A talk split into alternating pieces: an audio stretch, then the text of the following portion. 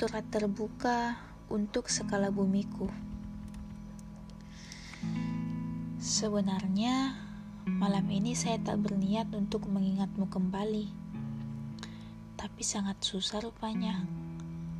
Benar kata penulis, semakin kita berusaha melupakannya, semakin kita mengingatnya. Saya tak berniat mengganggu kemerdekaanmu yang sekarang kau pertahankan.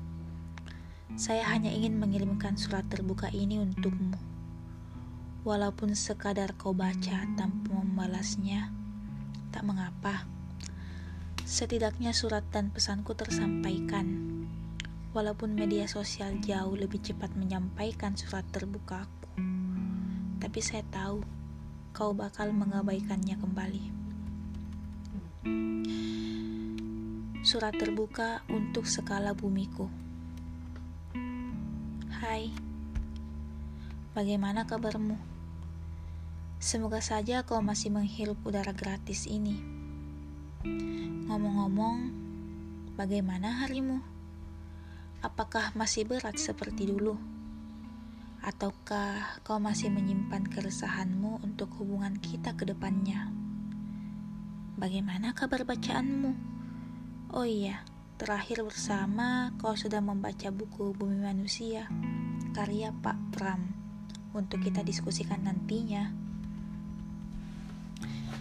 Selama pandemi, kerjaanku hampir sepenuhnya mengingatmu. Sayangnya, saya akhir-akhir ini tak bisa merangkai kata lagi. Entah mengapa. Padahal dulu kalau sedang mengingatmu sambil mendengarkan lagu No Stress band kesukaanmu, segala kata maupun diksi selalu mengalir begitu saja. Tapi kali ini tidak kalah.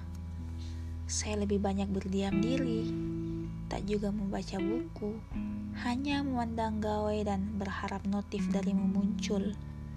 Tapi saya tahu kau tak pernah menghubungiku karena alasan lainnya. Benar katamu skala. Sekarang waktunya banyak yang singgah hanya rasa penasaran saja.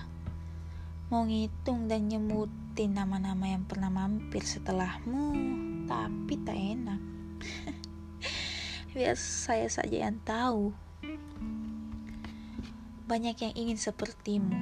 Alih-alih ingin menyembuhkan luka lamaku, tapi dia berbohong skala. Dia malah pergi setelah kuceritakan segala baik burukku. Ada juga yang ingin menjebakku dengan alasan teman diskusi. Ada juga yang mengatakan, kamu adalah cerminan diriku. Pokoknya banyak deh. Saya tahu, mungkin dia tidak nyaman karena saya sudah menceritakan seluk-belukmu di dia. Tapi, saya ingin dia tahu kalau saya pernah jatuh cinta dengan lelaki yang bisa membuatku hidup sejauh ini. Lelaki yang bisa membantu saya bangkit dan kembali utuh. Bersinar, mekar. Hanya kau yang bisa membuatku bangkit skala. Di tengah idealisme dan kemerdekaanku, kau selalu ada membuatku tetap menjadi diri sendiri. Lalu saya harus bagaimana? Bagaimana saya bisa buka hati dengan salah satu dari mereka kalau saya sampai saat ini masih mengingatmu dan terus mengingatmu? Tuan dari segala aksara melankolisku. Tapi saya ingin terjebak. Tidak. Saya tidak ingin terjebak lebih lama di sini skala. Saya ingin pergi jika sudah siap dengan orang-orang lain. Doakan ya. Semoga bisa melupakanmu seutuhnya. Pendakian Gunung Rinjani 2020. Saya sudah ikhlas. Mari melupakan segala planning kita. Tapi tak semudah itu saya melupakannya. Kau juga sudah mengetahui akhir tahun lalu saya mengelanai tempat yang telah kau kelanai. Tahu nggak? Saya menemukan jejakmu di sana. Setiap langkah yang kuambil dalam pendakian, selalu kutemukan langkahmu dan membuatku kembali bersemangat. Sesekali juga berhalusinasi di pos 7 ketika awan terbuka. dan menayangkan landscape yang amat indah. Saya berharap di pendakian selanjutnya kita dipertemukan tanpa sengaja. Tolong, semoga ya. Oh iya, masih ingat sudut kota yang sering kita jumpai nggak? Sekarang tempatnya sudah sunyi. Ya karena virus corona ini. Tak ada lagi sepasang kekasih yang sedang menyaksikan senja tenggelam di pantai Losari. Tak ada lagi keluarga yang sedang berbahagia menghabiskan waktu bersama dengan orang terkasihnya. Tak ada lagi anak-anak kecil berlarian sana-sini tertawa lepas sampai ia terjatuh karena tak melihat selokan parkiran. Dan tak ada lagi kita yang sedang menyaksikan senja yang sebentar lagi tenggelam di mata sayumu. Skala bumi jika kau membaca surat ini dan kau telah menemukan senja yang tepat untukmu, maaf, saya tidak bermaksud untuk mengganggu kebahagiaanmu. Tapi kalau tidak ada, ya tak masalah. Berarti masih ada celah untukku menyelinap masuk di semestamu lagi, walaupun kenyataannya tidak bisa. Begitu banyak cerita yang ingin kutulis dalam surat terbuka ini tapi saya sadar saya bukan rencana untuk semestamu lagi. Saya tak berniat untuk memutuskan tali silaturahmi denganmu, tapi sepertinya kau yang memutuskan. Saya tahu ini keputusan yang tepat untukmu, namun bagiku ini sangat tak tepat untukku. Doakan saya di sini.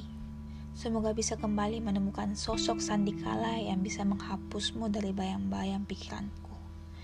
Dan semoga saja saya bisa kembali membuka hati dan lebih berhati-hati dalam berteman dengan lawan jenis. Saya selalu mengingat pesanmu kok. Tak usah khawatir, walaupun kenyataannya kau memang tak pernah mengingatku lagi. Baiklah, saya akan menutup surat ini. Malam semakin larut, takutnya saya nanti tambah menabung rindu denganmu. Semoga saja saya bisa lolos dari ruangmu Semoga yang disemogakan tersemogakan seperti katamu dalam surat yang kau tinggalkan di tangga rumahku. Kau memang sangat tahu bagaimana cara membuatku terkesan dan terkesima. Kau tahu kalau saya sangat menyukai dikirimkan surat dan puisi.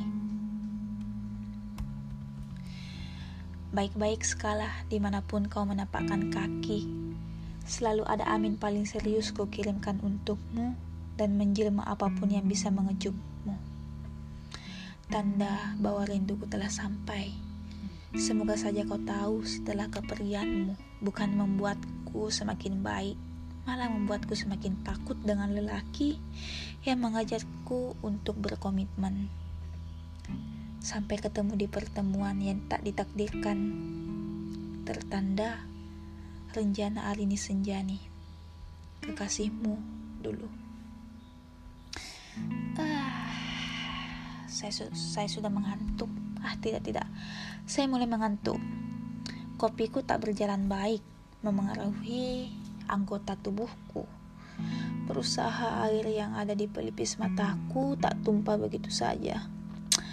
Jika kau mengenal siapa skala bumiku, tolong sampaikan surat ini biar tak ada lagi rasa sia-sia dan penyesalan telah menulis surat yang sangat panjang untuk mengingatnya di pertengahan malam ini.